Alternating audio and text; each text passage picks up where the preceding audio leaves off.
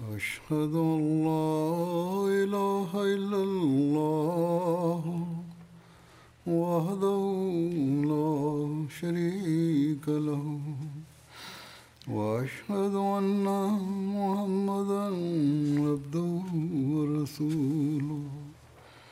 أما بعد فأعوذ بالله من الشيطان الرجيم. بسم الله الرحمن الرحيم. الحمد لله رب العالمين. الرحمن الرحيم. مالك يوم الدين. إياك نعبد وإياك نستعين. اهدنا الصراط المستقيم صراط الذين أنعمت عليهم غير المغضوب عليهم ولا الضالين Ini adalah Jum'ah terakhir di bulan Ramadan ini. Ramadan telah berlalu dan mungkin banyak orang yang telah membuat rencana untuk beribadah dan menciptakan perubahan khas dalam diri mereka selama Ramadan, tetapi tidak dapat mengikuti seperti yang mereka pikirkan sebelumnya. Banyak orang yang menulis surat kepada saya seperti itu. Dan hari ini, hari terakhir Ramadan, akan berakhir beberapa jam lagi. Hari Jumat adalah hari yang diberkati, di mana di dalamnya terdapat saat-saat khusus untuk pengabulan doa. Jadi, jika hari-hari Ramadan kita tidak berjalan seperti yang kita inginkan, atau seperti yang seharusnya dilalui oleh seorang mukmin, kita tetap harus menyatakan tekad dan berdoa. Semoga Allah Ta'ala mengabaikan segala kelemahan kita, mencurahkan rahmatnya kepada kita, dan memberikan taufik kepada kita untuk menjalani hidup kita secara permanen sesuai dengan cara yang dikehendaki oleh Allah Ta'ala. Allah Ta'ala Maha Penyayang. Untuk pengabulan doa-doa kita, Allah Ta'ala tidaklah mengatakan bahwa pada hari Jumat di bulan Ramadan terdapat detik-detik di mana doa akan dikabulkan, melainkan menyebutkan keistimewaan umum hari Jumat. Jadi, jika kita berjanji dalam doa kita hari ini bahwa kita akan terus meningkatkan standar ketakwaan kita, bahkan setelah Ramadan ini pun, dan akan berusaha untuk itu, akan terus berusaha meraih kedekatan dengan Allah Ta'ala kami akan terus memurnikan ibadah kami semata-mata karena Allah Ta'ala, bahkan hingga Jumat berikutnya. Kemudian, kami akan terus berusaha menghiasi waktu di antara setiap Jumat dengan ibadah-ibadah dan amal saleh kami. Kami akan mendahulukan agama di atas dunia hingga Ramadan berikutnya, kami akan terus berusaha untuk melaksanakan program untuk menciptakan perubahan suci dalam diri kami di bulan Ramadan. Namun, disebabkan oleh alasan tertentu, kami tidak dapat menindaklanjutinya. Inilah amalan yang menciptakan ketakuan sejati, dan jika kita dengan penuh ketulusan melakukan ibadah dan perbuatan kita demi Allah Ta'ala, maka Allah Ta'ala yang maha penyayang dari semua yang penyayang, maha pengasih, Maha Penyayang, Dia akan terus memberkati kita dengan keberkatan yang kita amalkan sampai batas tertentu di bulan Ramadan ini. Jadi, pada intinya adalah takwa. Yang utama adalah secara konsisten mengamalkan hukum-hukum Allah Ta'ala. Yang hakiki adalah rasa takut kepada Allah Ta'ala dan peraihan ridho ilahi. Jika ini ada, dan kita tidak kembali pada kehidupan yang bersifat duniawi, yang melupakan tekad untuk mendahulukan agama di atas dunia, maka apa pun dan bagaimanapun upaya yang kita lakukan untuk beribadah dan menciptakan islah di bulan Ramadan ini, Allah Ta'ala akan menerimanya dan akan terus menurunkan anugerahnya. Jadi, ini adalah poin utama yang harus selalu kita ingat. Pencapaian tujuan ini harus selalu diingat oleh setiap Ahmadi, dan jika kita sendiri menjalani hidup kita dalam ketakwaan dan mencari keridaan ilahi, maka kita harus memberikan teladan itu kepada anak-anak kita dan generasi keturunan kita yang dengannya kebangkitan kebaikannya diwariskan dari satu generasi ke generasi lainnya. Dengan karunia Allah Ta'ala, kita telah bayat kepada imam zaman dan hamba sejati Nabi suci Sallallahu Alaihi Wasallam dan ringkasan dari syarat-syarat di mana kita telah bayat adalah bahwa ketakwaan akan selalu menjadi perhatian utama kita dan hal itu berkali-kali dinasihatkan oleh Hadrat Masih Maud salam agar tercipta revolusi dalam hidup kita yang mana bukan revolusi hanya untuk satu bulan saja dalam setiap tahunnya atau upaya untuk menciptakan revolusi ini jangan hanya terbatas satu bulan saja dalam setahun. Memang Allah Ta'ala telah menyediakan lingkungan pelatihan dan pengaturan bagi kita untuk mencapai standar takwa di bulan Ramadan. Tetapi itu bertujuan agar setelah setiap Ramadan kita terus mencapai standar takwa selanjutnya yang lebih tinggi bukannya setelah Ramadan kita kembali ke standar yang lebih rendah. Jadi, seperti yang saya katakan bahwa Hadrat Musim Maud salam diutus untuk meningkatkan standar ketakwaan dan mengislah kita, dan beliau telah berulang kali menasihatkan kita untuk melakukannya. Sebagaimana dalam suatu kesempatan, beliau bersabda, "Jadi, aku telah diutus agar waktu kebenaran dan keimanan datang kembali, dan agar tercipta ketakwaan di dalam kalbu. Jadi, ini merupakan tujuan dari keberadaan wujudku. Inilah tujuan kedatangan saya." Beliau bersabda, "Saya telah diberitahu bahwa..." kemudian langit akan dekat dengan bumi setelah sebelumnya saling berjauhan. Jadi, ini adalah hal-hal yang harus selalu kita perhatikan. Zaman beliau alaihissalam yang berlandaskan pada khilafah berdasarkan mansab kenabian merupakan era yang akan berlangsung hingga hari kiamat sesuai dengan nubuatan Nabi Shallallahu Alaihi Wasallam dan hanya pengikut beliaulah yang akan menjaga keimanannya dengan teguh di atas kebenaran dan akan meraih standarnya yang tinggi.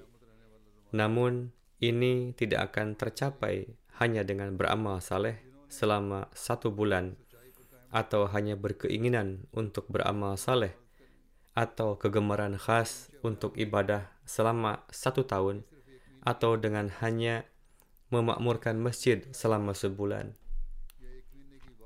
Melainkan ketika Anda telah meyakini suatu kebenaran, ketika Anda meyakini beliau alaihissalam sebagai Masih Maud dan Mahdi Ma'hud, lalu bayat kepada beliau, maka kita harus melakukan upaya khusus untuk meningkatkan standar iman kita. Jika kita menjadi seperti itu, maka kita akan termasuk orang-orang yang memiliki hubungan khusus dengan Hadrat Masih Maud salam yang telah memahami tujuan bayat dan berusaha untuk memenuhi haknya. Dan inilah orang-orang yang berkenaan dengannya Allah Ta'ala mengabarkan kepada Hadrat Masih Maud salam bahwa aku bersamamu dan bersama orang-orang yang engkau cintai. Syarat mendasar untuk dicintai oleh seseorang dan sudah semestinya adalah dengan menuruti ucapannya dan menjalani hidup sesuai dengan keinginannya. Jadi, di sini Allah telah menyatakan bahwa Dia akan bersama orang-orang yang dicintai oleh Hadrat Masih Maud salam. Jadi, ketika Allah Ta'ala menjadi teman bagi seseorang, lalu apalagi yang ia butuhkan selain itu? Maka beruntunglah orang-orang di antara kita yang telah mencapai kualitas keimanan di mana Allah Ta'ala selalu bersama mereka selamanya. Orang yang telah berteman dengan Allah Ta'ala berarti kehidupan dunia dan akhiratnya telah tertata dengan baik. Alhasil, kita harus memenuhi tujuan pengutusan Hadrat Masih Maud salam dengan menumbuhkan ketakwaan dalam diri kita dan ini hanya akan terjadi jika kita berusaha meraih ridho ilahi dengan konsisten. Beliau alaihissalam telah bersabda dalam kutipan ini bahwa langit akan dekat dengan bumi dan kita akan mendapatkan keberkatannya dan Allah Ta'ala akan mendekat kepada kita jika kita melangkah di atas jalan yang berlandaskan pada Al-Quran dan Sunnah, yang mana hal itu telah dijabarkan oleh Hadrat Masih Maud salam di hadapan kita. Kita akan termasuk orang-orang beruntung yang mendapatkan curahan karunia Allah Ta'ala, yang doa-doanya didengar oleh Allah Ta'ala. Ketika kita menyaksikan pemandangan ini, dalam kehidupan kita, maka kita pun akan dengan percaya diri mengundang orang lain untuk datang dengan mengatakan, "Jika Anda ingin menciptakan jalinan yang hidup dengan Allah Ta'ala, jika Anda ingin memperkuat keimanan Anda, maka terimalah hamba sejati Rasulullah SAW, dan ini akan diraih semata-mata hanya dengan meraih standar ketakwaan dan hanya ketika setelah mencapai standar ini kita tetap teguh di atasnya maka kita akan menyaksikan pemandangan turunnya karunia Allah Ta'ala.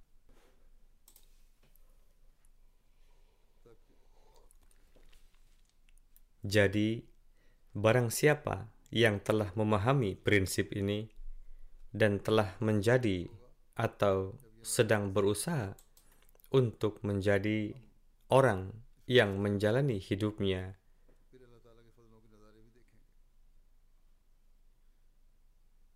Dengan standar kebaikan dan ketakwaan, mereka akan terus menyaksikan curahan karunia Allah Ta'ala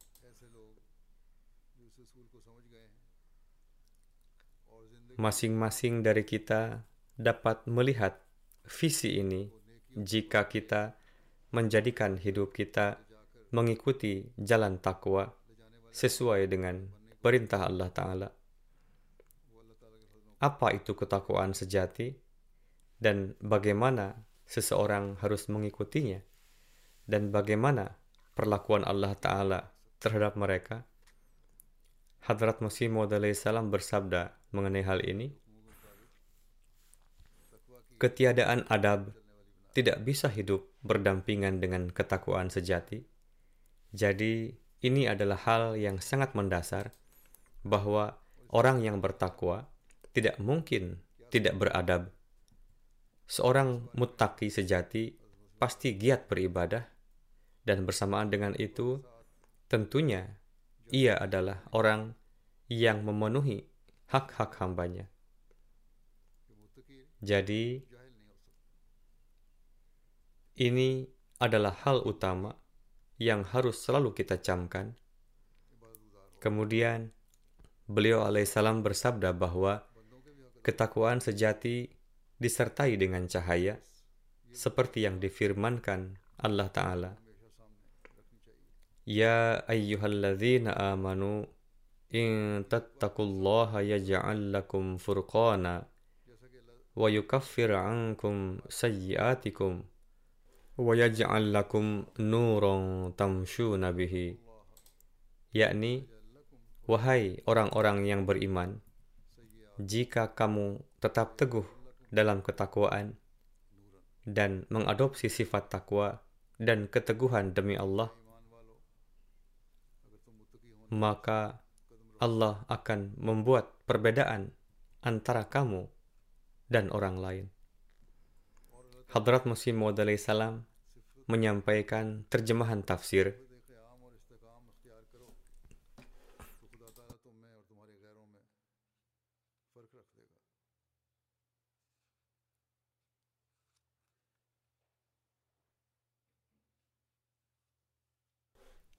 jika kalian mengadopsi sifat takwa dan ketabahan demi Allah Ta'ala, maka Allah Ta'ala akan membuat perbedaan antara Anda dengan orang lain.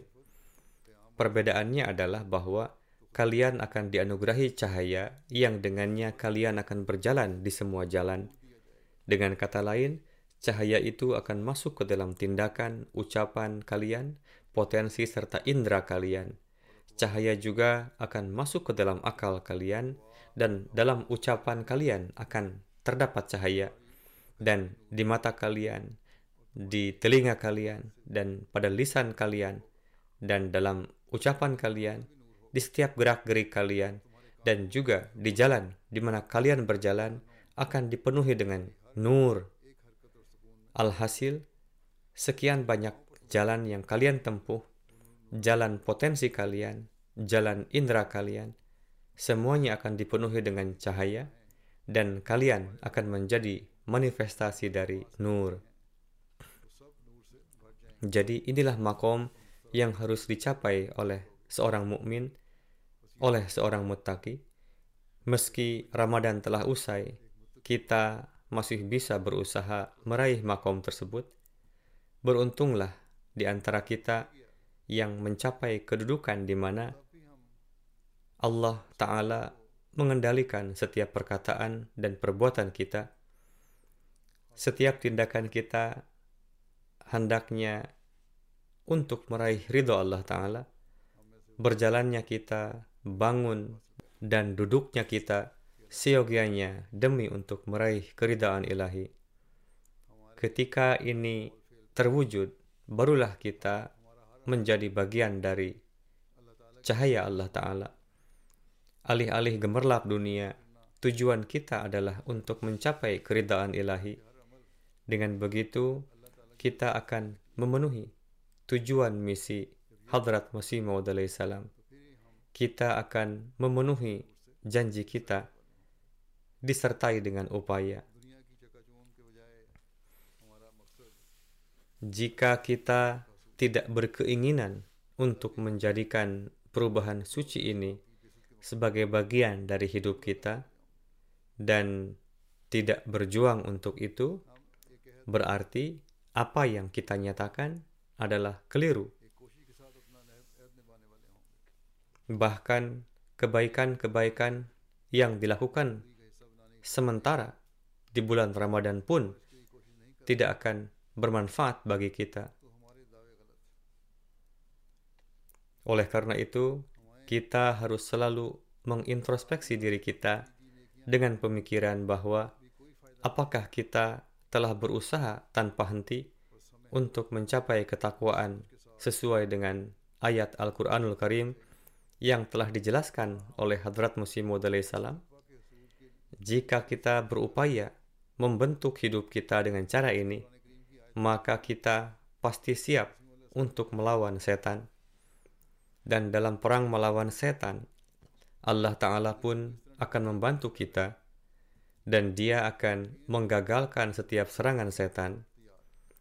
Setan telah mengepung kita di masa ini dari semua sisi dan tanpa pertolongan Allah Ta'ala tidaklah mungkin kita lepas dari cengkeramannya dan pertolongan Allah Ta'ala bersama orang-orang yang berjalan di atas ketakwaan kita harus selalu ingat bahwa zaman ini secara khusus adalah zaman serangan-serangan setan. Setan sedang menyerang dengan segala tipe muslihat dan senjatanya, yakni serangan-serangan mengerikan yang belum pernah tampak sebelumnya. Alhasil, dalam keadaan seperti ini, kita secara khusus harus bersujud di hadapan Allah Ta'ala. Baik di televisi, media sosial, atau acara-acara lain, di sekolah anak-anak, atau di program-program mereka, setan dengan perantaraan Dajjal telah menciptakan lingkungan yang sangat mengerikan, di mana manusia tidaklah mungkin dapat keluar darinya tanpa pertolongan Allah Ta'ala. Saat ini, yang paling menjadi perhatian adalah melindungi anak-anak kita dan generasi mendatang dari serangan Dajjal dan setan. Hal ini sangat dibutuhkan, dan hendaknya seluruh orang tua Ahmadi dan nizam jemaat pun berusaha untuk hal ini. Maka dari itu, setiap Ahmadi yang akil balik seraya tunduk di hadapan Allah Ta'ala dan memohon pertolongan darinya, hendaknya berusaha meraih standar-standar tinggi ketakwaan supaya kita sanggup menghadapi Dajjal dengan pertolongan Allah Ta'ala. Setelah Ramadan pun, kita seharusnya jangan bersantai-santai. Hendaknya jangan duduk dengan nyaman, tetapi kita sebaiknya secara khusus berupaya untuk menambah ilmu Al-Quran Karim dan ilmu agama kita supaya suasana yang khas ini senantiasa ada di rumah tang di rumah kita. Setiap orang harus menjaga ibadah-ibadahnya. Perhatian harus diberikan pada doa-doa khusus untuk menghindari serangan-serangan setan dan dajjal. Hadrat Musim Maud salam pada suatu kesempatan dalam menjelaskan tipu muslihat setan, bersabda, perlu diingat bahwa Dajjal sebenarnya adalah perwujudan setan, yang maknanya adalah sesuatu yang menyesatkan dari jalan petunjuk. Meski demikian, di kitab-kitab awal tentang akhir zaman tertera bahwa pada masa itu akan banyak terjadi peperangan dengan setan, tetapi pada akhirnya setan akan dikalahkan. Ini juga memberi harapan jika tatkala menghadapi setan itu, ia terus berjalan di atas ketakwaan, maka setan akan dikalahkan. Beliau al-Islam bersabda, memang pada masa setiap nabi, setan senantiasa dikalahkan, tetapi itu sifatnya hanyalah suatu kelaziman. Kemenangan secara hakiki sudah ditakdirkan di tangan Al-Masih yang dijanjikan. Dan Allah Ta'ala tentang kemenangan ini bahkan berfirman bahwa Ja'ilul ladhina taba'uka fawqal ladhina kafaru ila yaumil qiyamah. Alhasil, untuk menjadi pengikut beliau yang hakiki, untuk mengamalkan ajaran beliau, kita harus menempuh ketakwaan.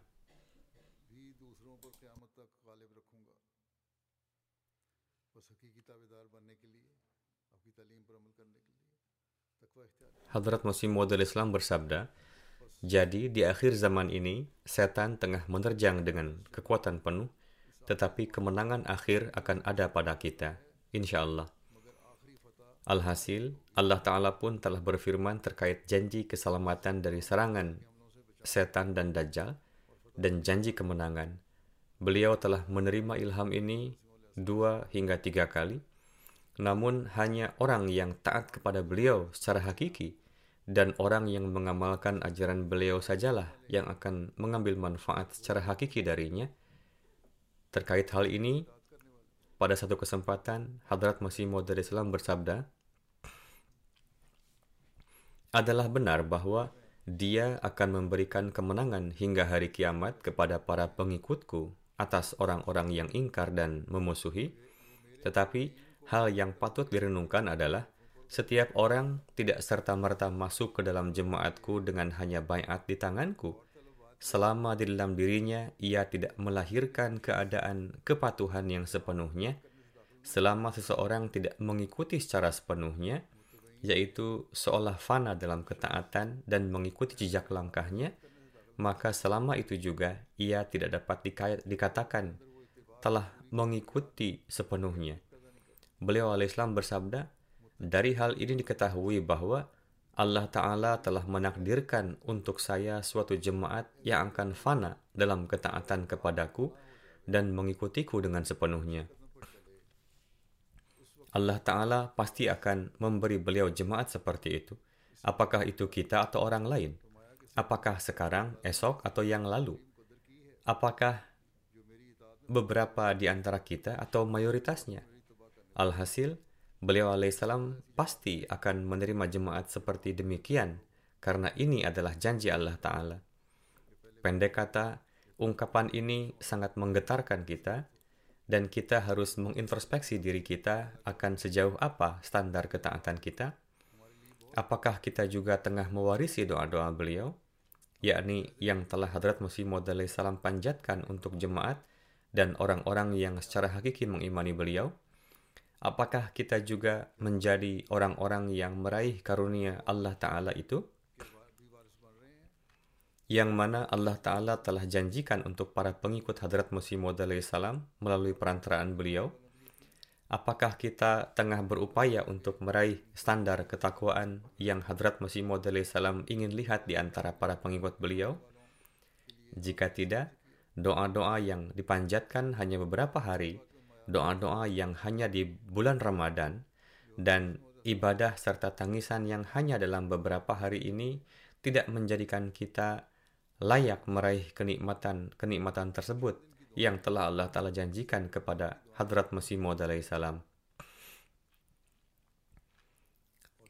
Kemudian, mengenai hal ini, beliau alaihissalam lebih lanjut bersabda di dalam Bahtera Nuh, jelaslah bahwa Mengikrarkan bayat hanya di mulut saja tidaklah berarti apa-apa selama tidak diiringi dengan azimat hati, yakni adanya keinginan kuat serta doa. Jika ada keinginan kuat dan juga doa, kemudian amalan yang seutuhnya, beliau alaihissalam bersabda, siapa saja yang sepenuhnya mengamalkan ajaran saya, ia akan masuk ke dalam rumah saya yang mengenainya terdapat janji di dalam kalam Allah Ta'ala, yaitu Inni uhafizu kullaman fiddar, yakni aku akan menyelamatkan siapa saja yang berada di dalam dinding rumahmu. Jadi, inilah resep yang Hadrat Musi Maud salam telah sampaikan kepada kita untuk selamat dari setiap kesulitan dan bala bencana, yakni berupayalah masuk di bawah lindungan Allah Ta'ala, seraya mensucikan diri sesuai dengan ajaranku, dan lihatlah betapa Allah Ta'ala akan menyelamatkan kalian dari serangan-serangan setan dan dajjal. Bahkan Allah Ta'ala telah memperlengkapi kita dengan senjata-senjata itu, dan dengan senjata-senjata itulah kita akan mengalahkan setan. Tidak hanya selamat darinya, tetapi juga mengalahkannya. Dan ia akan mengusir setan dan selamat dari serangan-serangan Dajjal untuk selamanya, yaitu menjadi orang yang menghancurkannya. Hadrat Musi Maud salam pada satu kesempatan bersabda, namun hendaknya diingat bahwa kematiannya, yakni kematian setan, tidak hanya sekedar diucapkan secara lisan bahwa setan telah mati, tetapi hendaknya kalian memperlihatkan secara amalan bahwa setan telah mati. Kematian setan tidaklah dalam ucapan, tetapi hendaknya ditampakkan secara keadaan. Janganlah sekedar mengucapkan kematian setan secara lisan, tetapi hendaknya setiap perbuatan, amalan, dan segenap keadaan kita menzahirkan bahwa kita tengah mengalahkan setan kita. Beliau alaihissalam bersabda, Allah Ta'ala berjanji bahwa di zaman Al-Masih yang terakhir ini, setan akan sama sekali dikalahkan. Memang, setan ada bersama setiap manusia, tetapi setan yang ada di dalam diri Nabi kita yang mulia Sallallahu Alaihi Wasallam telah menjadi Muslim. Ini adalah satu contoh yang telah dijelaskan bagi kita, dan kewajiban kita adalah berjalan di atas sunnah ini agar dapat mengendalikannya. Beliau alaihissalam bersabda, Demikianlah janji Allah Ta'ala, yaitu di masa ini, setan akan sama sekali dicabut dari akarnya. Kalian telah mengetahui bahwa setan akan jauh dengan bacaan la haula, yakni bacalah la haula, maka setan akan berlari. Tetapi ini bukanlah bacaan sederhana yang cukup diucapkan secara lisan, yakni la haula wala quwata illa billah, lantas setan akan lari. Sekalipun seratus kali diucapkan, setan tidak akan lari. Hal yang sesungguhnya adalah seorang yang dalam setiap zarahnya menanamkan kalimat la haula dan ia setiap saat terus memohonkan pertolongan kepada Allah Ta'ala dan ia terus meraih karunia darinya, maka ia diselamatkan dari setan hendaknya keluar suara dari hati dan memahami maknanya, tidak sekedar banyak melafalkannya. Jadi, inilah orang-orang yang akan meraih kemenangan. Kemudian, di dalam satu di dalam salah satu majelis, Hadrat Masih Maud salam bersabda, Ingatlah bahwa bagaimana Allah Ta'ala memulai Al-Quran yang mulia ini dengan doa, dan mengakhirinya juga dengan doa. Ini bermakna bahwa manusia sedemikian rupa lemah dan tidak dapat suci tanpa karunia dari Tuhan. Ini beliau sampaikan di dalam majlis. Di tempat lain secara lebih lanjut beliau alaihissalam bersabda, Janganlah menganggap diri kalian suci, karena tidak ada yang suci selama Tuhan tidak mensucikannya. Kemudian beliau alaihissalam bersabda, selama seseorang tidak mendapat pertolongan dari Allah Ta'ala, maka ia pun tidak dapat meraih kemajuan dalam kesalehan. Untuk maju dalam kesalehan diperlukan pertolongan dari Allah Ta'ala.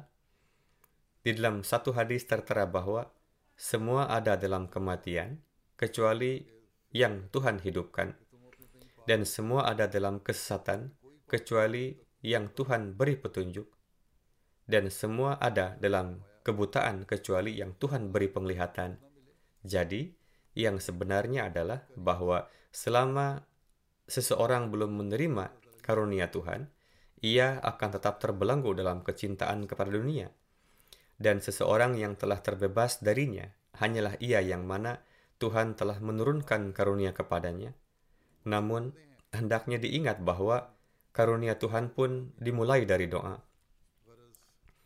Jika ingin karunia Tuhan, maka doalah yang harus ia tempuh janganlah memahami bahwa doa di sini bermakna hanya mengucapkan secara lisan, melainkan doa adalah semisal kematian yang setelahnya seseorang akan meraih kehidupan, seperti halnya sebuah syair berbahasa Punjabi yang berbunyi Jo mangge so marre, mare so manggenja, yakni seorang yang meminta harus mengadakan kematian, lantas jadilah orang yang meminta. Jika kamu dapat dan akan melakukan ini, maka jadilah orang yang meminta. Beliau alaihissalam bersabda, di dalam doa terdapat satu daya magnetis yang menarik karunia menuju ke arahnya. Bukanlah doa jika sekedar terus-menerus mengucapkan ihdinas siratal mustaqim, sementara di dalam hatinya ia terus memikirkan perihal rencana perdagangannya. Lisannya mengucapkan sesuatu tetapi tidak diikuti oleh hati dan pikirannya. Ia justru memikirkan hal-hal lain secara serta pekerjaannya. Pikirannya dipenuhi dengan perkara-perkara duniawi. Lebih banyak hal-hal duniawi terlintas dalam pikiran, sedangkan mulut secara lahiriah memanjatkan doa.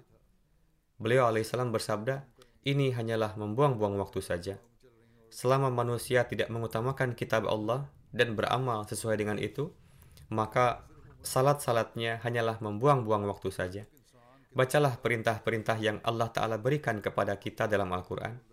Di bulan Ramadan, kita membacanya dan juga mendengarkan daras-daras. Amalkanlah itu dan perhatikanlah, maka kehidupan yang kalian jalani adalah kehidupan yang sebenarnya, yaitu kehidupan orang-orang yang dirahmati Allah Ta'ala. Kemudian beliau al-Islam bersabda, tertulis dengan jelas dalam Al-Quran bahwa Qad aflahal mu'minun alladzina hum fi salatihim khashi'un. Yakni ketika hati seseorang luluh saat berdoa dan bersujud di hadapan singgasana Tuhan dengan ketulusan dan kesungguhan hati sedemikian rupa sehingga dia larut di dalamnya dan dengan menghapuskan semua khayalan-khayalan dia memohon karunia dan pertolongannya dan mencapai kesatuan yang sedemikian rupa sehingga timbul semacam ratapan dan kepiluan, maka pintu kesuksesan akan terbuka. Orang yang sukses adalah orang-orang mukmin yang salatnya penuh dengan rasa takut kepada Allah Ta'ala. Maka pintu-pintu kesuksesan akan terbuka ketika hati benar-benar diliputi oleh kepiluan. Karunia dan pertolongan Allah Ta'ala datang ketika seseorang berdoa murni demi Allah Ta'ala Beliau alaihissalam bersabda, maka terbukalah pintu kesuksesan yang dengannya kecintaan pada dunia akan menjadi dingin.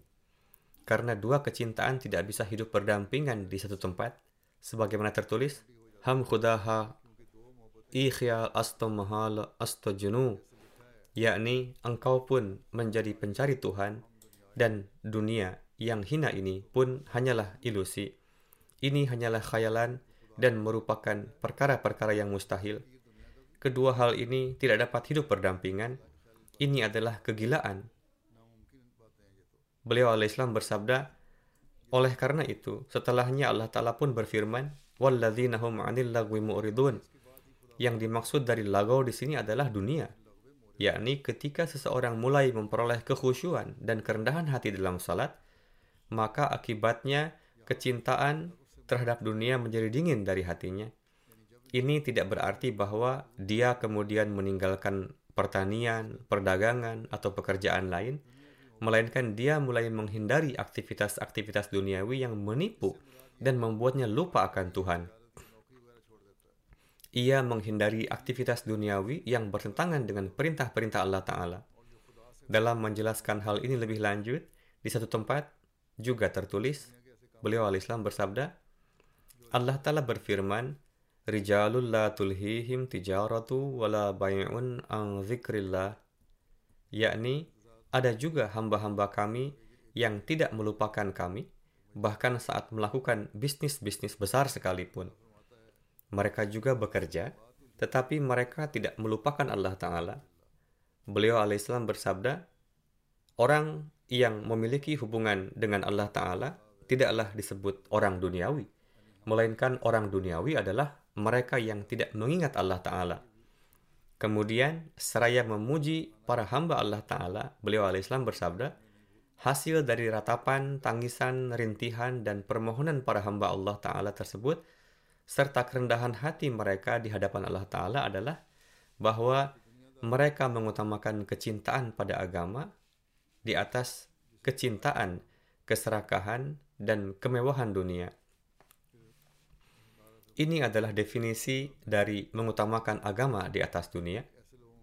Karena ini adalah rumusan bahwa satu perbuatan baik akan menarik perbuatan baik lainnya, dan satu perbuatan buruk akan menginspirasi perbuatan buruk lainnya. Ketika mereka itu khusyuk dalam salat-salat mereka, maka hasilnya yang tak terelakkan adalah secara alami mereka menjauhkan diri dari perbuatan sia-sia dan meraih keselamatan dari dunia yang kotor ini. Dan seiring dengan kecintaan terhadap dunia menjadi dingin, di dalam diri mereka muncul kecintaan kepada Tuhan. Salat mengantarkan mereka pada amal-amal kebaikan. Meskipun mereka menjalankan urusan-urusan duniawi, dunia tidaklah menjadi tujuan mereka. Sebagaimana saya telah jelaskan dalam khutbah yang lalu berkenaan dengan La ilaha illallah, yang menjadi maksud tujuan dan kekasih adalah zat Allah Ta'ala. Jadi inilah standar yang harus kita terapkan untuk membunuh setan dalam diri kita. Jika kita sedang membaca la haula untuk mengusir setan, maka setiap saat harus tertanam kuat dalam benak kita bahwa Allah Ta'ala adalah pemilik segala daya dan kekuatan. Sehelai daun pun tidak dapat jatuh tanpa izin Allah Ta'ala. Sebagian dari kita mengatakan bahwa Memang inilah keimanan kami, kami mempercayainya. Akan tetapi ketika tiba masanya untuk memperlihatkan amalan nyata, maka ketakutan terhadap yang lain, ketakutan terhadap dunia, kecintaan-kecintaan dan keinginan duniawi mengalahkan kecintaan kepada Allah Ta'ala. Alhasil, keimanan yang hakiki pada Allah Ta'ala dan ibadah yang hakiki kepadanya harus sedemikian rupa sehingga memberikan pengaruh pada tubuh dan ruh kita. Dan ketika standar dari ibadah telah seperti ini, maka akhlak dasar lahiriah pun akan tinggi. Hati, pikiran, dan ruh akan menjadi suci. Manusia akan selamat dari setiap serangan setan, dan setiap jenis dajjal karena berlindung kepada Allah Ta'ala. Manusia akan meraih kualitas ibadah di mana ketika pelaksanaannya tidak ada ghairullah atau sekutu selain Allah yang dapat mengganggunya. Mengenai pemenuhan hak salat dan ibadah, telah disebutkan dalam hadis bahwa salat merupakan inti dari ibadah. Ketika kita berusaha meraih inti ini, kita akan menjadi orang yang menunaikan hak salat dan kita juga akan menjadi orang yang menunaikan hak ibadah. Kita akan menjadi orang yang meraih kedekatan dengan Allah Ta'ala. Kita akan menciptakan suatu revolusi pada ruh dan jasmani kita. Jika tidak, salat-salat secara lahiriah saja tidak ada gunanya. Ada banyak sekali jamaah yang pergi ke masjid dan melaksanakan salat, kemudian melakukan kezaliman yang ekstrim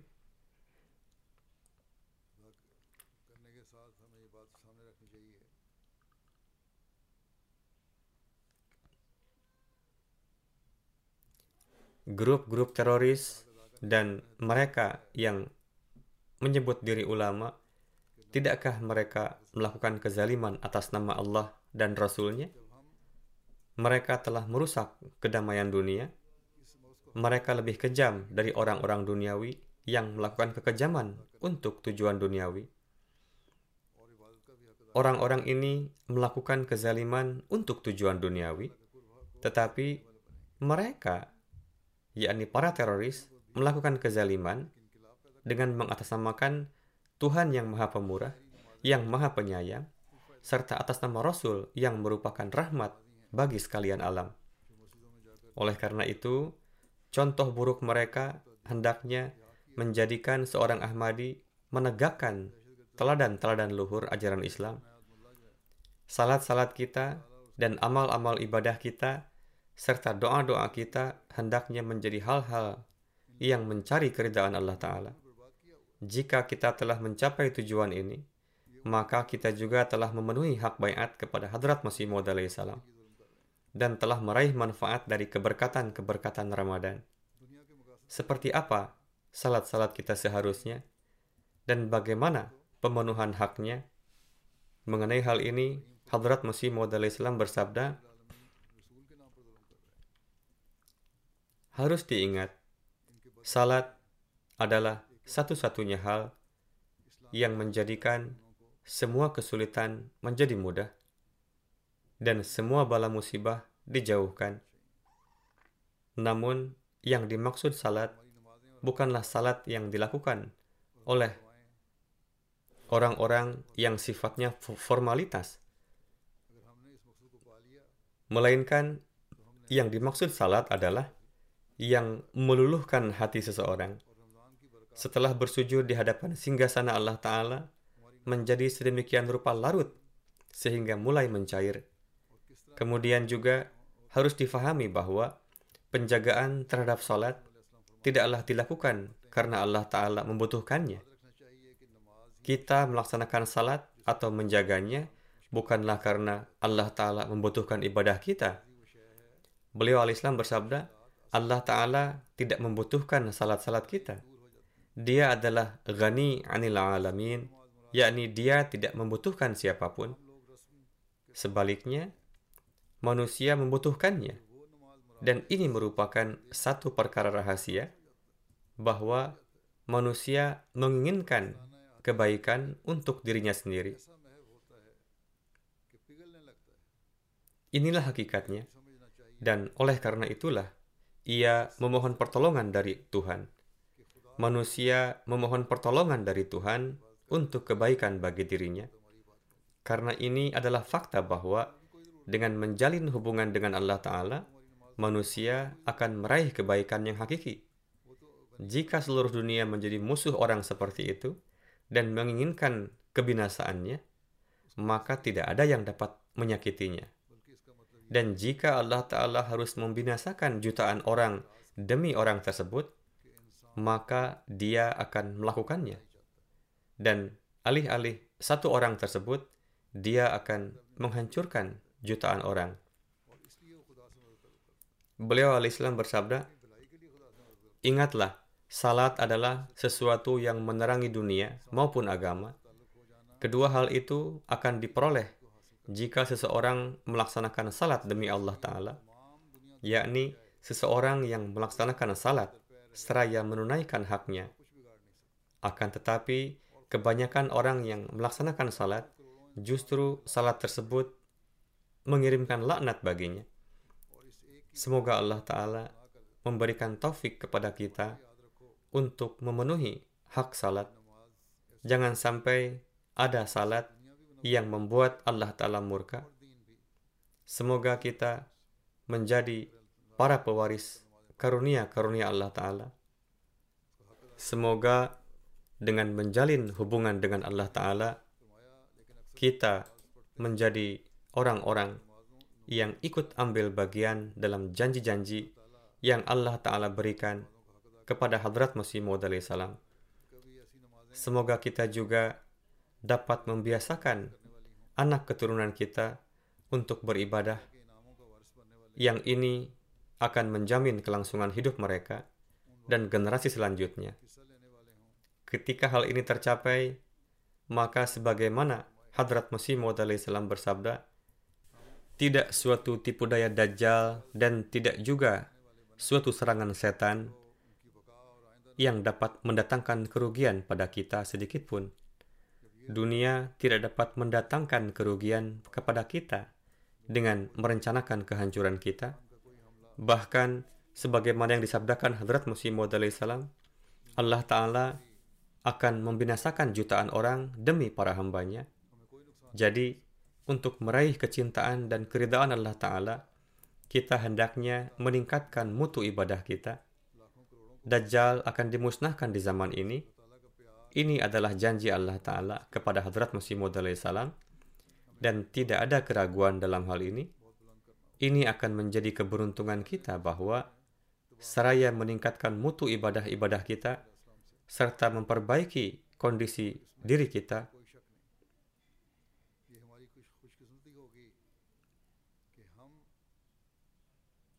kita termasuk ke dalam golongan orang-orang yang menunaikan hak bergabung ke dalam jemaat Hadrat Masih Maud salam dan untuk menunaikan hak ini sebagaimana yang disabdakan Hadrat Masih Maud salam. Salah satu resepnya adalah ratapan, tangisan, rintihan, dan permohonan, yakni sedemikian rupa menangis dan meratap, hal ini diraih dengan merendahkan diri di hadapan Allah Ta'ala. Alhasil, berusahalah untuk meraih kedudukan ini, dan bagaimana Anda meraihnya, beliau Islam bersabda, siang dan malam kalian hendaknya jangan ada waktu yang kosong dari berdoa. Alhasil, ketika kondisi ini tercipta, maka kita akan menjadi pewaris karunia Allah Ta'ala. Setiap serangan setan dan serangan dajjal akan mengalami kegagalan. Semoga Allah Ta'ala memberikan kita taufik untuk menjalani hidup kita dengan mengamalkan ajaran Allah Ta'ala dan Rasulullah SAW, serta sesuai dengan harapan Hadrat Masih salam dan kita menjadi orang-orang yang menunaikan hak bayat kepada beliau salam. Semoga keridaan Allah Ta'ala menjadi tujuan kita. Semoga kita menjadi orang-orang yang berjanji bahwa kita tidak akan duduk dengan tenang selama kita belum menciptakan perubahan-perubahan suci dalam diri kita yang menjadikan kondisi diri kita sesuai dengan keridaan Allah Ta'ala. Kita tidak akan membiarkan setan masuk ke dalam diri kita, anak-anak kita, dan generasi keturunan kita. Kita akan berusaha sebisa mungkin untuk hal tersebut, dan kita akan menempuh segala upaya untuknya yang ajarannya telah Allah Ta'ala dan Rasulnya berikan kepada kita. Bahkan kita juga akan berusaha sepenuhnya untuk mensucikan dunia dari setan dan dajjal. Semoga Allah Ta'ala memberikan kita taufik untuk itu. Berdoalah untuk para Ahmadi di Pakistan. Semoga Allah Ta'ala menjaga mereka dari kejahatan para penentang. Semoga dia mengembalikan perbuatan jahat mereka kepada diri mereka. Para Ahmadi yang tinggal di Pakistan sendiri juga hendaknya berdoa dengan ratapan dan tangisan yang khas bukan hanya berdoa tiga atau empat hari atau seminggu, berdoalah secara kontinu dan berjanjilah untuk menjadikan kehidupan kita sesuai dengan keridhaan Allah Ta'ala. Berdoalah untuk para Ahmadi di Burkina Faso, Bangladesh, Aljazair, dan seluruh negeri lainnya di dunia. Semoga Allah Ta'ala menyelamatkan para Ahmadi dari kejahatan musuh, serta menguatkan keimanan dan keyakinan mereka. Semoga Allah Ta'ala memberikan taufik kepada kita untuk menciptakan perubahan-perubahan suci dalam diri kita dan memanjatkan doa-doa dan semoga dia mengabulkan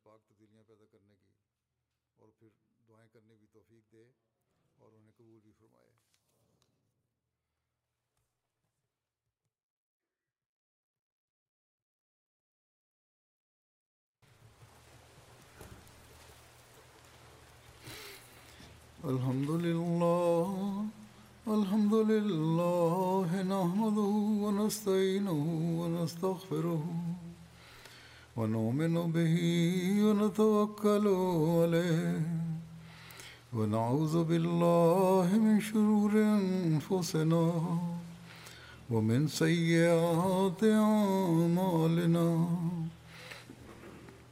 من يهده الله فلا مضل له ومن يضلل فلا هادي له. ونشهد أن لا إله إلا الله ونشهد أن محمدا عبده ورسوله. عباد الله رحمكم الله.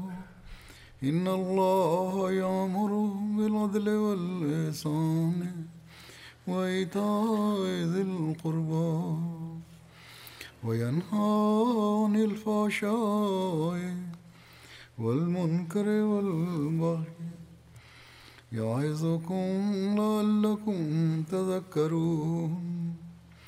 اذكروا الله يذكركم ودوه يستجب لكم ولذكر الله أكبر.